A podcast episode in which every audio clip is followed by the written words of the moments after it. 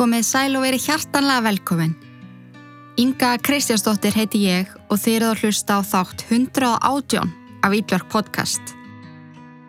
Þátturinn er í bóði neonskildi.is, skildagerðin sem gerir þér kleift að byrsta upp á hverstagsleikan og hanna þín eigin neonskildi, hvort sem það er nafn, grafík eða eitthvað skona tákn. Kíkja endilegin á neonskildi.is kannski leynist það sem þú ert að leita við jólapakkan þar. Síðan langaði mig að minna ykkur á áskriftarleið podcastsins, Ídverk Plus, en með því að skrá okkur í það fáið þið aðganga yfir 90 auka þáttum og 5 nýja í hverju mánuði. Kynni ykkur endilega málið inn á ídverk.is. Ég ætla ekkert að tefja þetta þessu sinni með ykkur rausi. Málið er langt og nóg sem við þurfum að fara yfir. Enda mikill horfjóður raðmóringin sem við ætlum að fara yfir í dag. Arthur Shawcross eða The Genesee River Killer. Gjöru þið svo vel.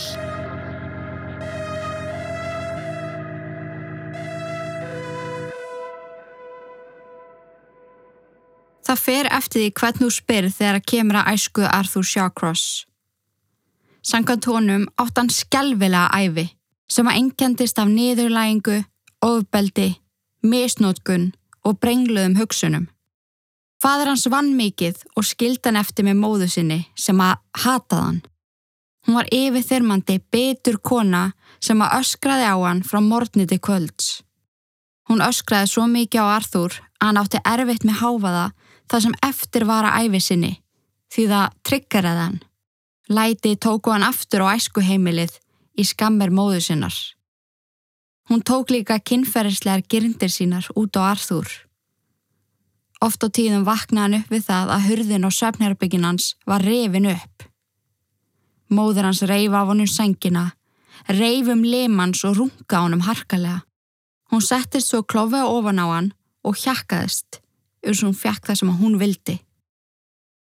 Án þess að segja nokkuð, tóka hún niður um sér náttkjólinn, gekk út og skellti hurðinu eftir sér. Stundum var hún ljú við hann og vildi sína honum væntu þykju með að veit honum munmög.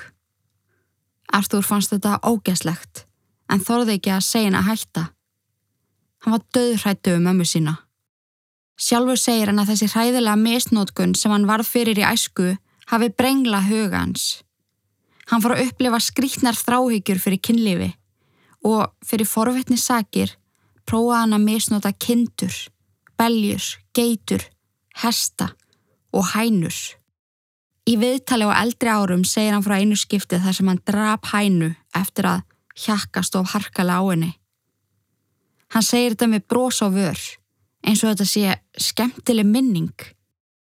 Misnótgurinn sem hann varð fyrir leiti líka til þess að hann fór að upplifa brenglaðar hugsanir til yngri sýstu sinnar. Hann segir frá ótal skiptum sem hann laumaðist inn í svefnherbyggi sýstu sinnar og skreið undir seng til hennar. Hann snert hann á óveðandi hátt, en með tímanum hafi hún viljað þetta líka. Beði hann um að koma. Þau hafi svo alltaf gengið lengra og lengra. Unstu voru farin að stunda kynlífi reglulega. Artur áttaði sér alveg á því að þetta væri sifjaspell. Þú átt alls ekki að stunda kynferðislegt atverðli með fjölskyldumæðlim og því hann var svo hrættur um að kæfta ávart frá þessu hræðilega lindamáli var þann mjög fjarlægur jafnöldrum sínum.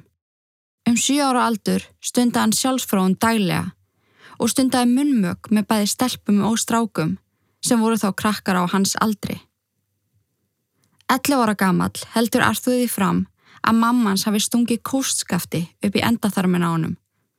Svo lánt að hann var vissum að hún hafi eigðilagt eitthvað inn í honum. Sjálfur segir hann að þetta atveik hafi gjörsulega rústa hann andlega, það sem eftir var að lífi hans. Í skólanum var hann kallaður Ari, því vanalega sagði hann lítið sem ekkert, sað bara einn og starði út í loftið. Hann átti að líka til að pissa í buksunar, sem gerði hann að auðveldu skotmarki. Ofan á allt annað var hann lagður í mikið einaldi. Hún var stríkt daglega og með tímanum breyttist daglega vanlíðan í hatur út í fólki í kringum hann og heiminn allan. Átt ára gamall fekk hann stóran stein í höfuðið. Það kom stórt gat og þurfti að sauma yfir 30 spór og það verði sem hann hafi orðið fyrir einhvers konar heilaskemt. Því að eftir höfuðhöggið fann hann fyrir dóða í líkamannum sem átt eftir að há honum það sem eftir var að lífi hans og margir telja að það hafi spilað inn í hvernig hann átti eftir að verða. En ok, þetta hljómar allt skelvilega og þráttur að vita hvað Arþúr átti eftir að gera á sínu fullorins árum getur maður ekki annað en kent í brjóstumann. Uppvakstar árans eru bóstala uppskrift af mjög brengluðum einstakling. En fjölskeldan hann segir allt aðra sögu. Samkvæmt þeim var hann litla brótætta gullleðina mömmu sinnar sem að kom í heiminn tvei mánuðum fyrir tíman eða þann 7. júni 1945. Hann átti ekki að fæðast fyrir enn 13. ágúst. Mammans var með honum í einn og halvan mánuð á sjúgrási þar sem hlúð var að honum eins og gerti við fyrirbura. Hann var fyrsta batnera Arthur Roy Shawcross og Elizabeth sem var alltaf kölluð Bessie.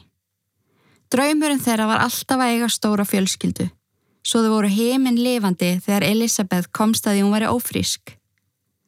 Þau byggu í Kittery í Maine en fluttu til Watertown í New York þegar Arthur var nokkura ára gamall til þess að vera nær sýstur Arthur eldri.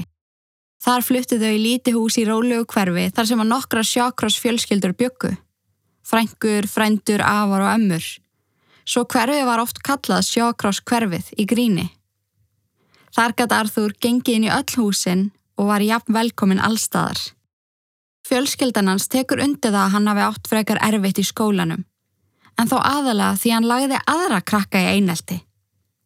Fóreldra hans voru stanslöst að fá skilabóð frá skólastjóra um að hann hafi barið eitthvað, eðalagt skóladóti eða hóta lífláti. Krakkar voru skítrætti við hann, en það óhrættu við að hjóla í hvert sem er. Það hjálpa honum ekkert sérstaklega félagslega að hann talaði með smábatna rött og var stríkt mikið út af því.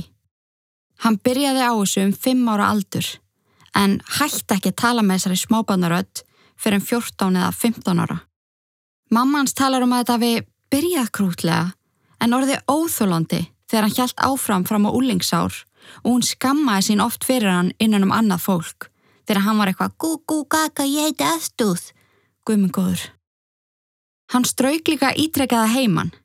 Hann byrjaði á því um fjör ára en eftir sex ára aldur var þetta orðið verulega mikið vandamál.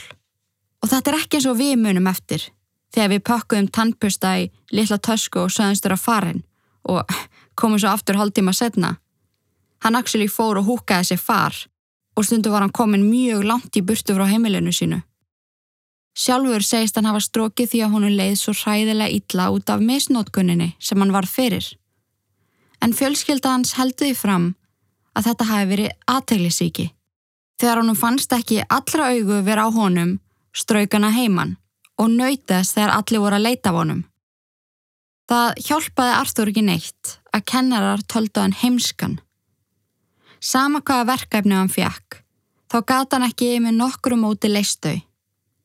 Það var haldið í fram í skólanum að hann veri líklegast á jæðrinum við að vera vangifinn. En á greindaprófi sem hann gegst undir skoraði hann 86 sem er verulega undir meðalagi. Það var vissulega mjög mikið ströggl hjá honum félagslega en samkvæmt fjölskyldu hans, þá sískinum og foreldrum, áttuðu mjög venjulega og góða æsku krakkarnir. Það kom ekkert upp á sem telst óvanalegt eða ræðilegt.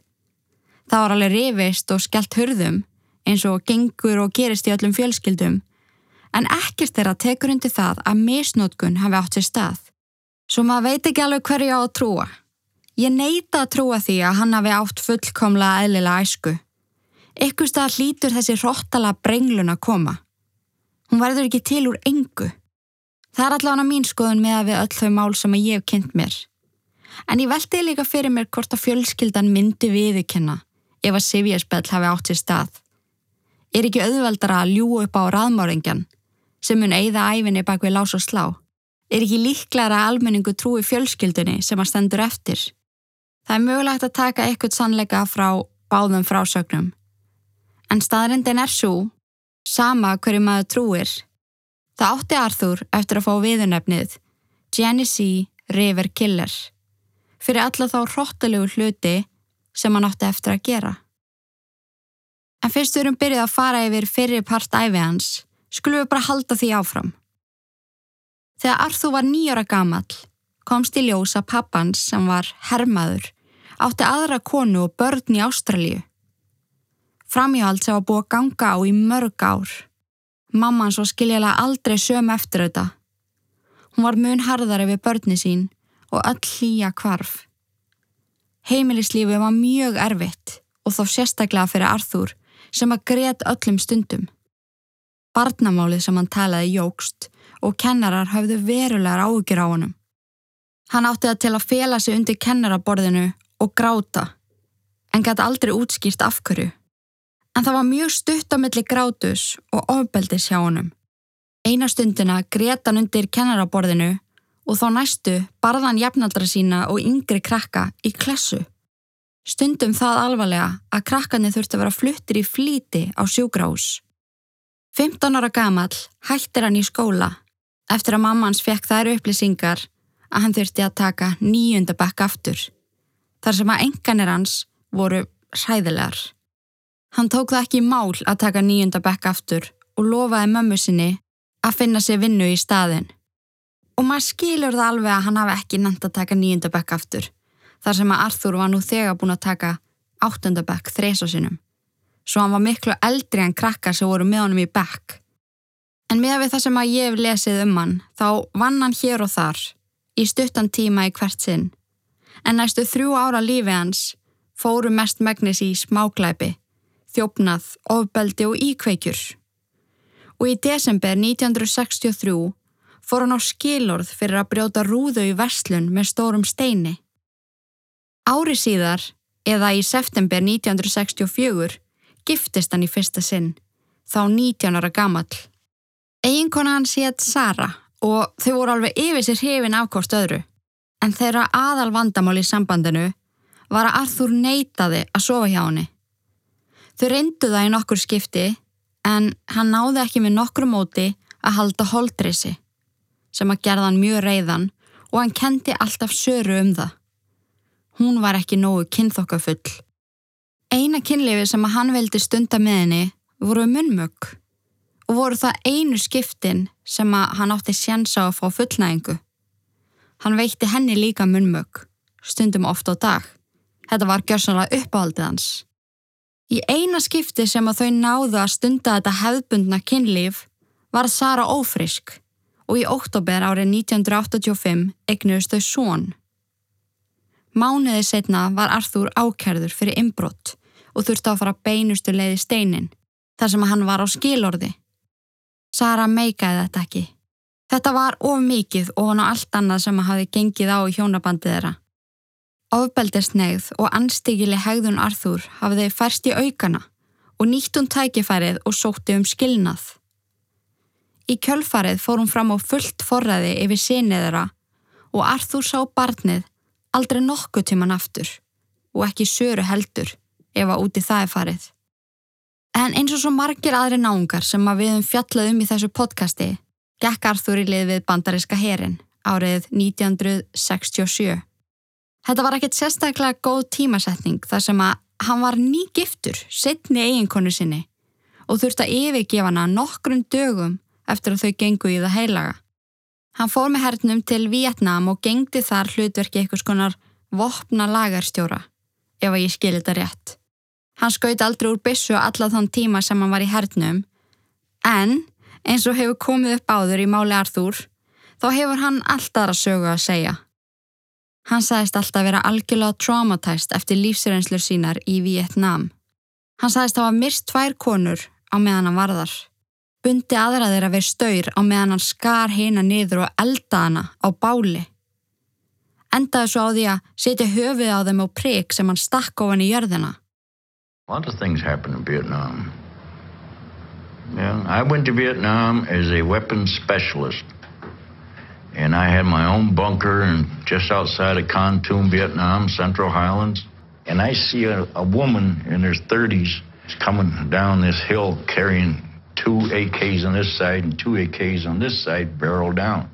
So I reach over my shoulder like this, right behind my neck, and I pull out a brand new machete.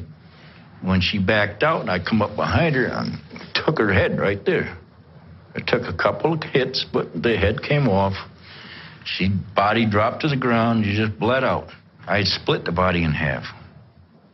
Opened up a pouch and I had some C4 plastic explosives. Lit a cigarette, just touched it, and it started lit up like a miniature sun. And I just laid the flesh up on top of that stick, right? And I bit into the into the flesh itself, you know, just staring at her eyes, and she urinated and defecated on herself. And she talked to me in broken English, so she told me everything I wanted to know. I go in, I reported in, saluted the colonel, and he gets up and he says, "You one sick son of a bitch, but I love you. But I can't remember nobody's name in Vietnam, and that messes me up. You know, I'm not a bullshitter. Anything I tell you is facts of life. If you don't believe it, that's your prerogative. You can do what you want. You know, everybody reads what they want, believes what they want, you know, and here's what they want. Það er enginn sem að getur staðfest þetta og leikur grunur á að þetta sé eina af sögunum sem að Arthur sagði svo oft að hann fór að trúi þessu sjálfur. Hann segist hafa orðið mun fleirum að bana en í heldina hafa hann drepið 39 manns og lendi mörgum hræðilegum aðstæðum í stríðinu. Hlutir sem átti eftir að hafa áhrif á hann þar sem eftir var. Og aftur, það getur enginn staðfesta og sankant gögnum sem eru til um hann frá sem tíma vann hann bara á sem skotvapna lagar. Setni eiginkona hans, Linda, sem hann giftist rétt áður hann hann fóti Vietnám, skildi við hann stuttu eftir hann kom heim því að hann var handtekinn aftur og núna fyrir íkveikju. Fyrir það satt hann inn í tvö ár og var þarna orðin einhleipur og ný. Hann losnaði svo fangelsi í april 1972 og fluttist þá til Watertown í New York. Í fyrsta skipti í lífinu reyndan að snúa blaðinu við og lagði sig fram við að láta lítið fyrir sig fara. Hann eitti frítíma sínum í að veiða, en brenglaðar hugsanar hans komu samt fljótlega aftur upp á yfirborðið þegar hann rakst á unga stráka sem voru að veiða á sama stað og hann. Hann spjallaði við strákana og skoraði á þá í glímu sem er mjög skrítið. Hann rakst á þess að stráka nokkru sinnum en nýtti tækifærið þegar hann hitti á annan þeirra að leinan að veiða. Strákurinn hétt Jack Blake og það kom í ljós eftir að þeir höfðu spjallabetu saman að hann átti heima mjög nálagt heimili Arthur. Eftir að hafa gefið sér góðan tíma í að vingast við strákin barðan stein í höfuð á honum og tróð upp í munnin á honum mold svo að öskrin myndi ekki heyrast frá honum. Hann auðgæði stráknum áður en hann kirstan til bana. Arþúr losaði sér svo við líkið í anna, gekk róla í burstu og kom við í ísbúð áður en hann fór aftur heim. Þegar það var fyrir að leita af Jack, degu nokkri sjónavottar fram og söðust hafa séðan með Arþúr Sjókross. En það var aldrei eftir að sanna aðeldans í kvarfi drengsins. Tveim vikum eftir hann hafði orðið Jack að bana, giftist hann þriðju eiginkonu sinni, Penny Sherbino.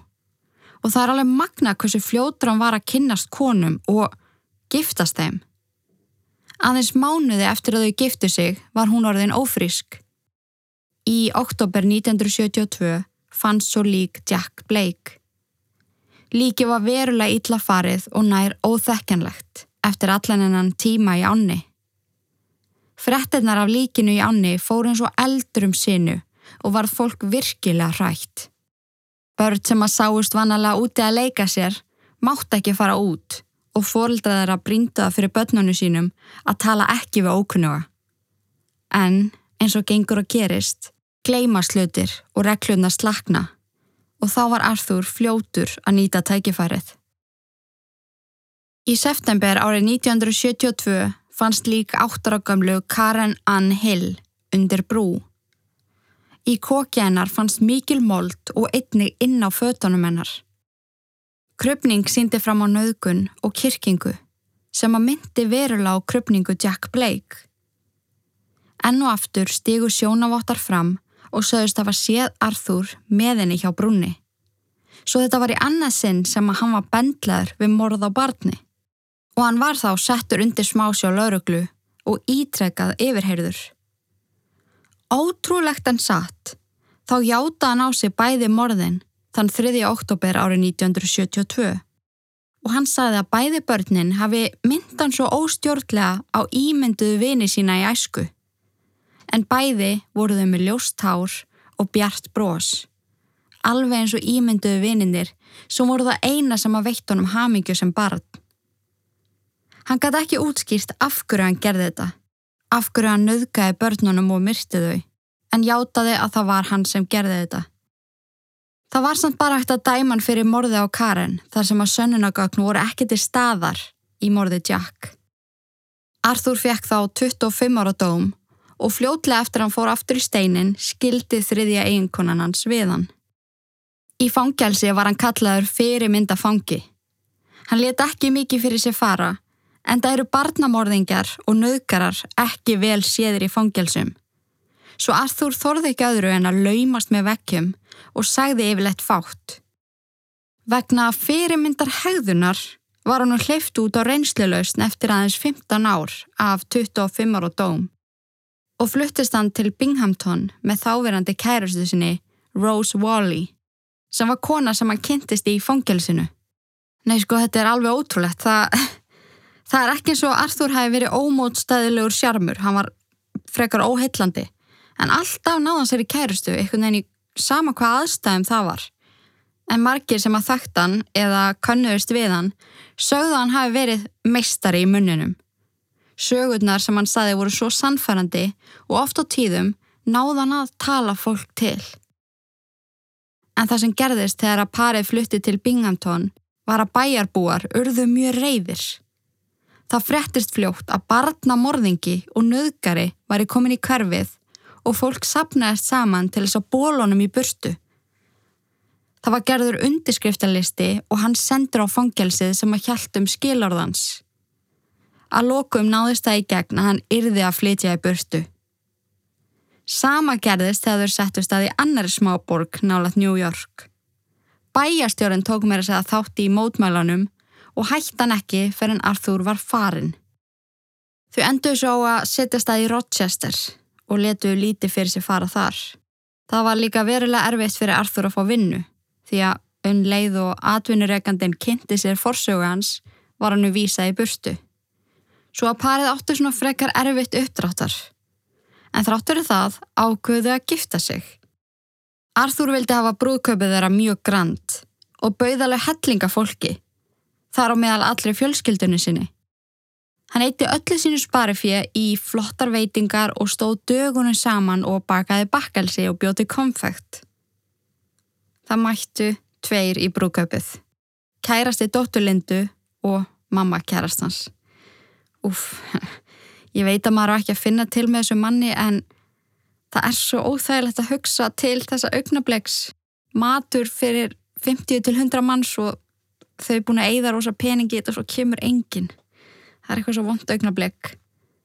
En það hefði samt ekki dátt að koma Arthur neitt sérstaklega óvart þar sem að fjölskyldan hans var laungu búin að loka á hann.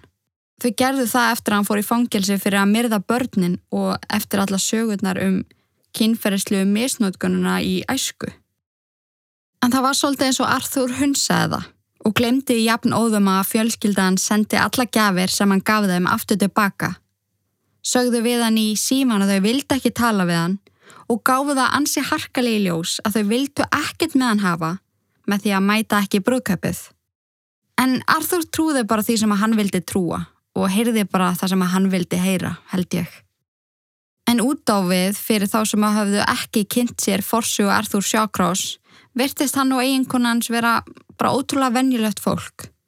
Arthur fór í vinnuna þegar hann helst í vinnu og Linda sá um heimilið og þannig gekka það í nokkra mánuði. Eins mikið og Arthur hafði ætlað sér að verða vennjulegur og lifa vennjulegu lífi, þá hendaði þessi leiðilega rútína honum ekki.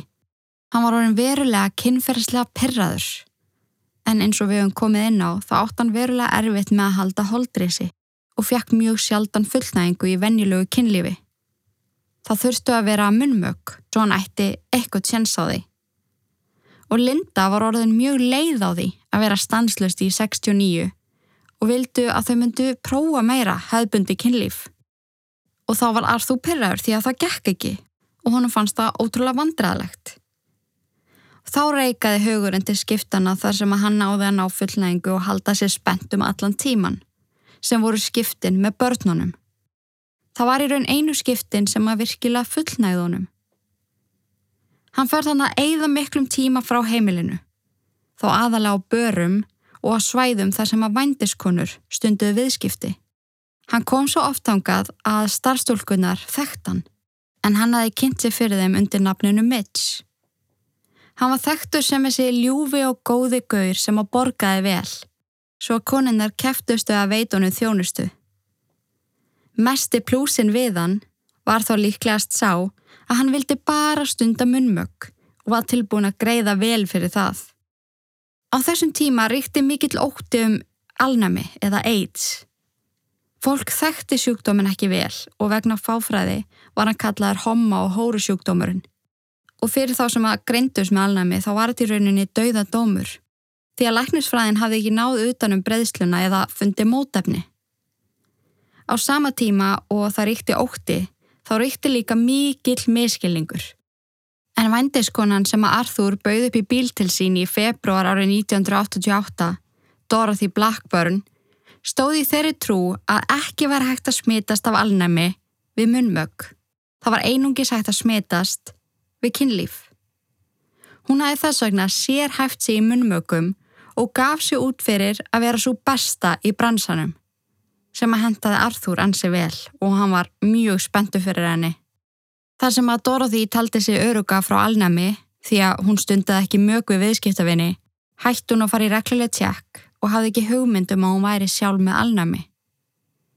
Á meðan þau voru uppáhald stellingu Arthur, sem var 69, skautan því aðinni hvort að hún færi ekki öruglega reglulega í tjekk. Hún sagði nei, ég þarð þess ekki. Munnmögur eru örug sem að tryggjar Arthur. Hann kallaði hana heimska og á millið er að braust út reyfirildi. Dorothy sem let ekki bjóða sér að vera kölluð heimskóra beit svo fast í tippa á Arthur að hann gargaði og blóð spýttist úr leimi hans á bílrúðuna. Hann var fljótur að bræðast við og beit hanna í skapabarmana það fast að hann beit munnfylli af henni. Hann sparkaði svo í höfuð á henni og kirst hana til bana. Það sem hann gerði næst er mjög ógislegt. Ég veit að það sem ég er búin að segja er ógislegt en þetta er svona, já, þannig ef að þið eru að borða þá myndi ég mæla með því að stoppiði þáttinn bara rétt á meðan. En áður en hann losaði sig við lík Dorothy, þá tögðan munnbyttan sem hann beit af henni og kingdi því. Svo hjælt hann áfram að býta stykki af skapabörmunum hennar, tyggja þá og kingja. Hann losaði sig við líkið hjá Genesee Árni en hafði það á vísum stað svo hann geti komið ánga aftur og aftur til þess að misnúta líkið. Hann heimsótti staðsyninguna tviðsvar í þeim erindagjörðum áður en hann sparkaði líkinu út í anna. Líkana fannst þann 24. mars árið 1988 í Genesee Ánni og vakti það sérstakann áhuga þeirra sem að kröfðu líkið hversu illa farið klófsvæði var. Fyrst var haldiði fram að dýr hlitu hafa farið svona með hana en þegar komi ljós að dauðennar stafaða kirkingu laumaðasta lauruglu sá grunnur að mögulega gengi morðingilaus eða jafnvel mannæta. Því miður voru tímanni þannig að það var ekki spáðneitt sérstaklega í því þegar að vænduskonur hörfu eða fundust dánar. Skoðanir fólks var að þær kæmu sér sjálfar út í þessar hættilegu aðstæður og það var ekki hægt að venda þær. Það var sjaldan haft mikið fyrir því að finna fjölskyldur kvennana og enduða þær oftast í ómertri gröf. Mál Dorotheu fór þannig og dó rannsóknin út freka fljóðlega. Það var líka mikið af vandiskonum að hverfa á þessum tíma og hafði laurugla ekki undan við að sinna slíku málum. Það kæruleysi gerði Artúr kleift að ganga áfram laus og svala brengluðum þrám sínum hvena sem honum hendaði. Þótt að Artúr var í giftu lindu þó egnaðist hann aðra kærustu sem var 19 árum eldri en hann, 59 ára gamla Clara Neal. Það verið samt, allan að sanga því sem að ég hef lesið að Linda hafi vitað af þessari konu, En Arthur hafi sannfært hann um að hafa engar ágjur því að hann væri raun bara að nota klöru fyrir bílinn hennar. Arthur átti ekki bíl og átti ekki pening fyrir bíl og ferðaðist um allt á gömlu hjóli og það var því ansi hendugt fyrir hann að eiga kæristu sem átti glænýja bíl og að til ég að lána honum hann hvena sem er. Og að vera á bíl gerði hann líka mun auðveldra fyrir þegar að koma því að leita upp vændiskonur, fara með þar á afskekt svæði, nöðga þeim og myrða og var Arthur hvergi nær hættur. Þann 9. september árið 1989 fannst lík önnur Steffen í Genesee ánni. Krupning leiti í ljós köpnun og það var búið að fjarlæga stóran part af kynfærumennar. Aðeins meira en mánuði setna, eða þann 21. oktober, fannst svo annað lík. Í þetta skipti var fórnalampið ekki vendiskona, heldur einn 59 ára gamla Dorothy Keeler, sem var á þessum tímapunkti heimilislaus.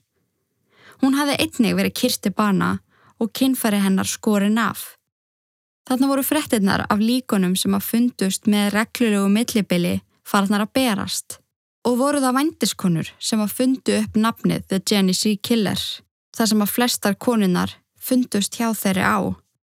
Rétt fyrir áramótin 1989 til 1990 gáfi stjórnvöld út frettatilkynningu þar sem að vændiskonum var ráðlagt að ferðast saman í hópum og fara mjög vallega.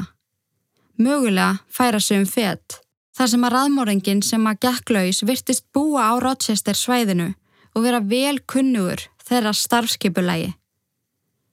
Margar konunar fóru eftir áleggingum en margar hennilega gáttu það ekki. Þær urðu að vinna og hafði ekki efni á því að færa sig um set. Suma þeirra voru með börn og heimili en konunar heldu áfram að hverfa og fundust svo í svipuðu ásikkomulagi. Það rugglaði lauruglu þó verulega þegar lík hinnar 26 ára gömlu June Stott sem var korki vendiskona nýja heimilisleis fannst. Hún fannst að kvöldi þakkagjörðar háttíðarinnar. En fjölskyldumælimir hennar voru otni mjög hrættir um hana og staðfestiða áhugið þeirra um að eitthvað hafi komið fyrir þegar hún mætti ekki háttíðamat hjá fóröldru sínum. Hún fannst nakin með ramaksnúru þjætt vapna um halsin. Það var búið að tróða ykkur svona röri upp í endatharmin á henni og það var búið að skera ringuðan algjörlega í burtu. Það var líka búið að skera í burtu kinnfærin á henni og hviður hennar var skorinn frá lífbeini og upp að hálsi. Glæpavettvangur var gjörsanlega skelvilegur og það mátti sjá óttan í augum djún. En við þykir þetta alltaf svo áhugavert, mér minnir ég hafi ykkur tíman talað um þetta við ykkur. En margir haldaði fram að það síðasta sem þú sjáir áður út deyrð verði eitthvað neginn eftir í augunum að þér. Svo ef að manneska deyr hrætt, þá getur þú séð það í augunum. Svona eins og augun sé eitthvað svona speilmynd af því sem að þú gegst í gegnum áður að þú dóst. Ótrúlega áhugavert. Lauruglu grunaði fyrst að annar morðingi væri á ferðinni þar sem að morði var mjög ólíkt þeim fyrri. Allavega mun hróttalega. En bar þó þau líkindi að fórnalampið var kirst og kinnfærin skorun í burstu. En það var ekki fyrir en Arthur svo náðist og hann viðukendi að hafa orðið henn að bana og eldað kinnfæri hennar og borðað þau. En á þessum tímabúndi voru 11 konu látnar, allar myrstar á sama svæðinu og það var þarna sem að það var haft samband við FBI og okkar eini sanni John Douglas, eitt þekktasti prófæler heims, kom til sögunar. Hann fór gömgeifilega yfir málinn og setti upp mögulega lýsingu á morðinganum. Sterk byggður kvítukarlmaður, á meðli tvítugs og þrítugs. Sennilega með langa sakaskrá á bakinu kunnugu staðháttum og það öðrugum með sig að hann hikar ekki við að peka upp konunar aftur og aftur á sama stað. Nærvera hans er þannig að konunni leið þægilega í kringum hann og heikuð ekki við að setjast upp í bíl til hans. Hann á líklegast við ykkur kynferðsleg vandamál að stríða. Getur ekki haldi holdrisi til dæmis. Hvernig hann fóð með líkin sínir að hann er orðin vanur því að vera nálagt líki fer líklegast aftur að staðnum þar sem líki liggur og dáist að því og misnotar það mjög líklega. Og það sem við erum búin að kynna okkur Arþúr er alveg magnað hversu ótrúlega nákvæmt þetta er. En það er John Douglas ekkert eðlilega hæfilegar ykkur prófælar.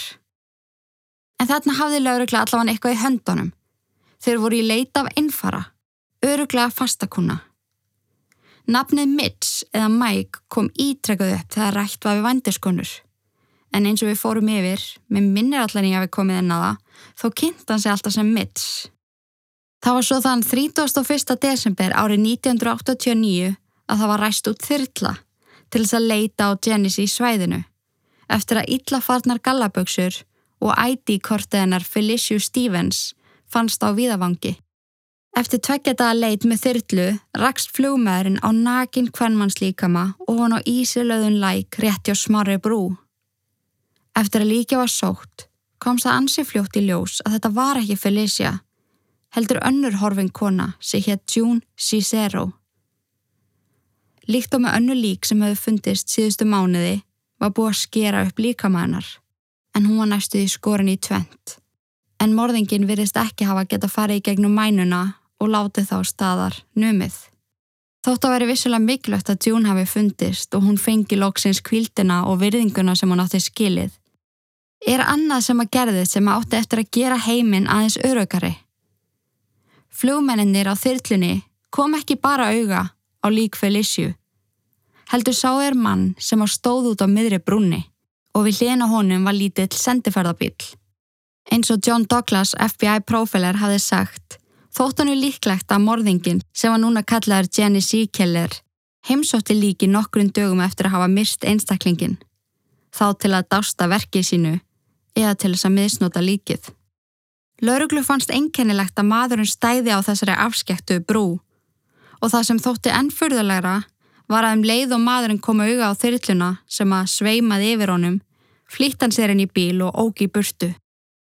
Lauruglumönnum niður á jörðinu var gert viðvart og þeir bænir um að elda bílinn sem að þeir gerðu.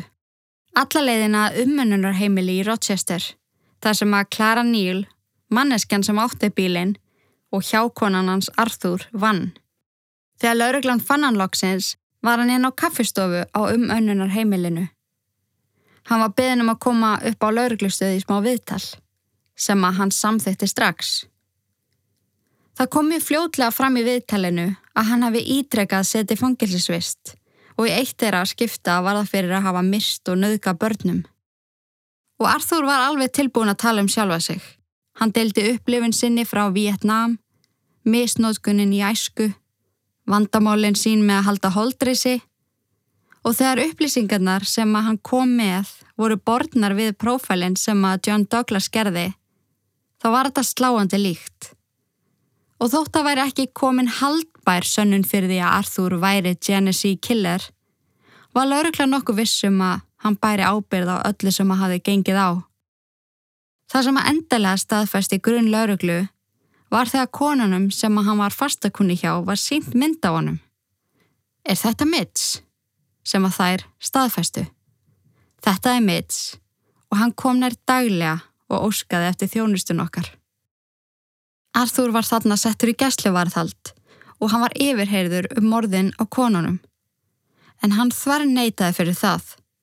Saða einu einstaklingarnir sem að hann hefur mist eru börnin og svo þessir 39 einstaklingar í Vietnám. En það hafi nú bara verið partur af vinnunans. Á meðan hann var yfirheyrður var leita á heimili hans og Lindu. Og já, Linda stóð enþá þjættu við baki á honum. Það var líka leita á heimili Klöru þar sem Arthur hjælti fram að hún var í kærastan hans. Á báðum stöðum fundust hinnir ímsu skarkreipir og margir þeirra passuði við sönnunogagn og málum kvennana. En þá hafðu mæður eða aðri fjölskyttumeðlimir sagt að týnda dótturinn væri alltaf með svona hálsmenn eða svona ring, hlutir sem að fundust í fylsnum Arthur. Hann hjælt samt áfram að neyta.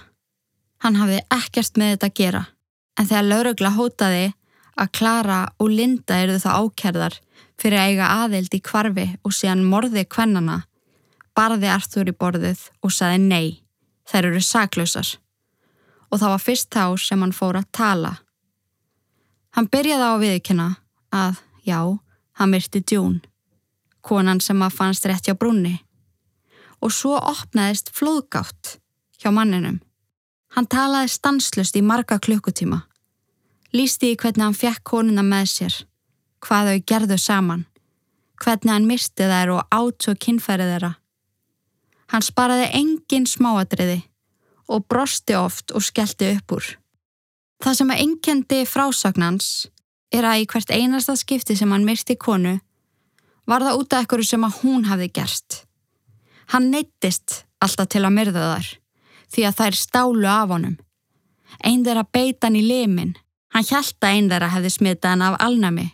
Einn kraðist þess að fá meira borga en þau höfðu samiðum og allar höfðu þær uppnæmt hann. Sem er mjög merkilegt. En hann hjælti fram að á meðan hann var að ráðast á þar hafið þær kallaðan öllum íllu nöfnum sem að gera mjög reyðan og þá neittist hann til að myrða þær. Og ég efast um að konundar hafi verið að kalla öllum þessum nöfnum á meðan þær fundi að þær væri í svona rosalega mikill í hættu. Það var bókstæla aldrei neitt honum að kenna. Hann átti ekki við alvarlegt vandamál að stríða. Var morðingi, náriðill, naugari og mannæta. Hann var fornalamp og hafi verið það alla sína æfi. She used to live in my house, or my apartment, for a while. Was she a friend? She was, until she started stealing stuff out of the house. Does that warrant killing her? Well, to me it did. Is a young woman by the name of June Stott. And June uh, was not was not a prostitute, but she was a little slow. Uh, she had uh, acted much younger than her age. I think the thing that was most disturbing about it is that when her body was turned over, she was on her stomach. And they turned her over, he had come back and eviscerated her, cut her open right from the, the neck right down to the vagina. That was a fit of anger. You know, we spent a day down Turning Point Park, you know, feeding the ducks and walking around and we making out.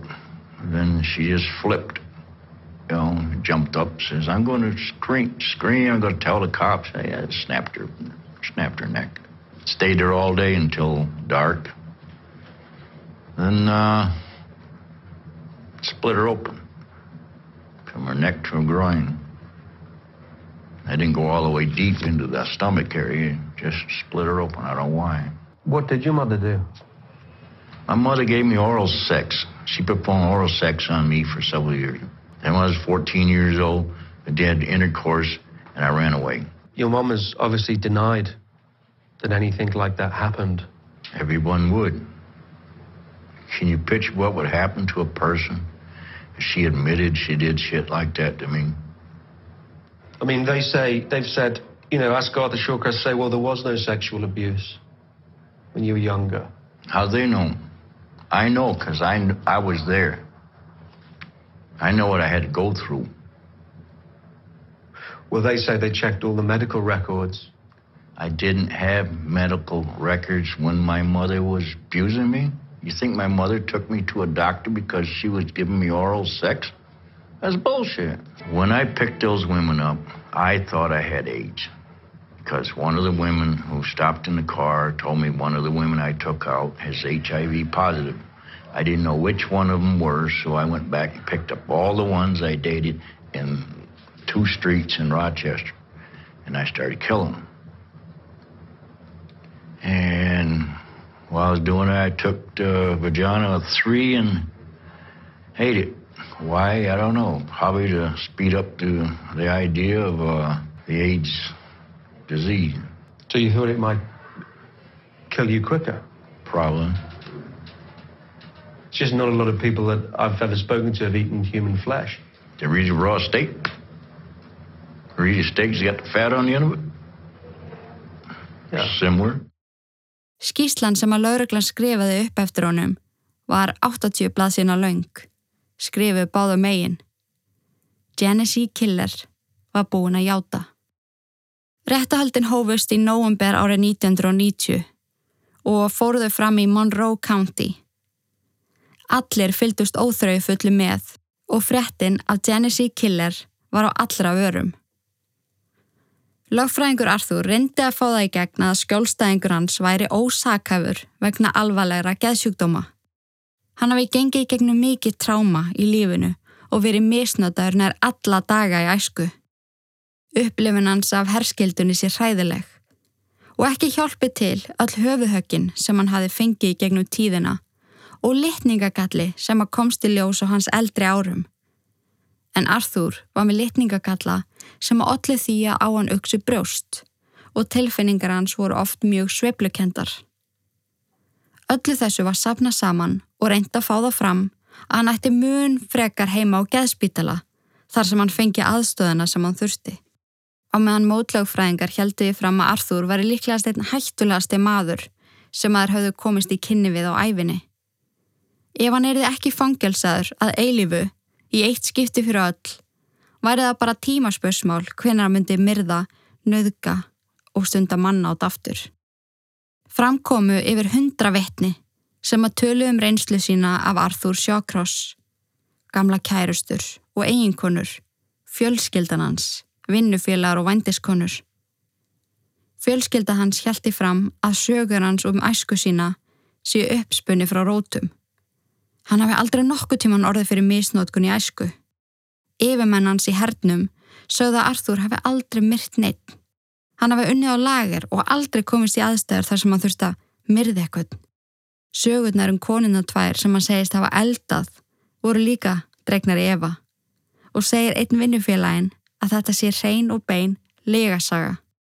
Gamlar kærustur töluðum um óbeldisneiðans, reyðikost og kynferðslega brenglun. Hann kvarf stundum dögunum saman, lifaði ykkur skonar órunverulegum heimi og átti erfitt með stabilt fjölskyldulíf. Þótt að Arþúr heldi fram að það var það eina sem hann vildi í raun og veru. Hann var á endanum dæmdur, nógu heill til þess að fara í gegnum réttahöldin og fekk hann 250 ára dóm, 25 ár fyrir hverja konu sem hann myrti. Hann kom fram í nokkrum viðtölum þar sem hann deilir því með spyrtli í smáadröðum hvað hann gerði við konunar. Segir svakalar sögu frá Vietnamstríðinu og kennir öllum öðrum um hvernig hann var. Hann eitti restina af lífið sínu í Sullivan fangelsinu í New York þar til hann lést þann 10. november árið 2008. En fyrir þann dag hafði hann kvartað undan sárum verk í fætunum. Hann var fluttur á spítala í flíti en lést setna um daginn úr hjartáfalli. Hann skilur eftir sig eina dóttur. Hann áttuði þetta fleiri börn en þessi dóttir var svo eina sem hann var í samskiptum við hann. Hún actually heimsótt hann í fangelsið og ringdi hann og skrifa hann um bref. Hún segir að burt sér frá öllu sem hann gerði var hann í grunninn pappennar og hún elskaði hann. My husband at first was like, you know, don't go there. You know, do you realize that he killed children? And I said, well, I can't just shut the door on this. You know, you know, this is a part of my life that I just can't close the door. He was very genteel. He was um, very soft-spoken, very grandfatherly to my daughter. Uh, he he joked around a lot. The children that he had killed, the child, the, their ages are about the same age as my children are now. What he did to them, like I said, was a pretty graphic thing. And that's going to be between him and his maker. That's going to be between him and his maker. My older children know what he'd done. My younger children don't. And my father kind of like said to me, you know, it's best that the younger ones don't know. But sooner or later, they're going to find out. Um, they don't really advertise the fact that their, their grandfather is a serial killer. D- do you love Maggie? Very much. And do you love your grandchildren? Right. This is a horrible thought, but I mean, if someone were to, you know, rape and kill your grandchildren, what should happen to them? That's up to the law. But what do you think should happen to them? That's up to the law. But what would you think of them as a father, as a grandfather? I would be devastated. Do you have any comprehension of the suffering that you've brought the families of the people that you've killed? I don't have any remorse for some reason. But I find it strange that you can have, you clearly feel affection for your, your daughter and your I grandchildren. know. That's strange. But you can't feel any empathy for all those people that, the families of all the people that you killed. It's not there. I know something inside me is weird. Hún stóð ein við gröfina þegar Arthur var jarðaður og sér um að halda gröfinni snirtilegri og setur á hana blóm á ammælum og yfir hátíðar. Hún hugsaður vel til hans. Þótt að pappinar hafi verið einn allræmdasti ráðmórðingi í sögu bandaríkjuna. Hinn eini sanni, Genesee Killer, Arthur Shawcross.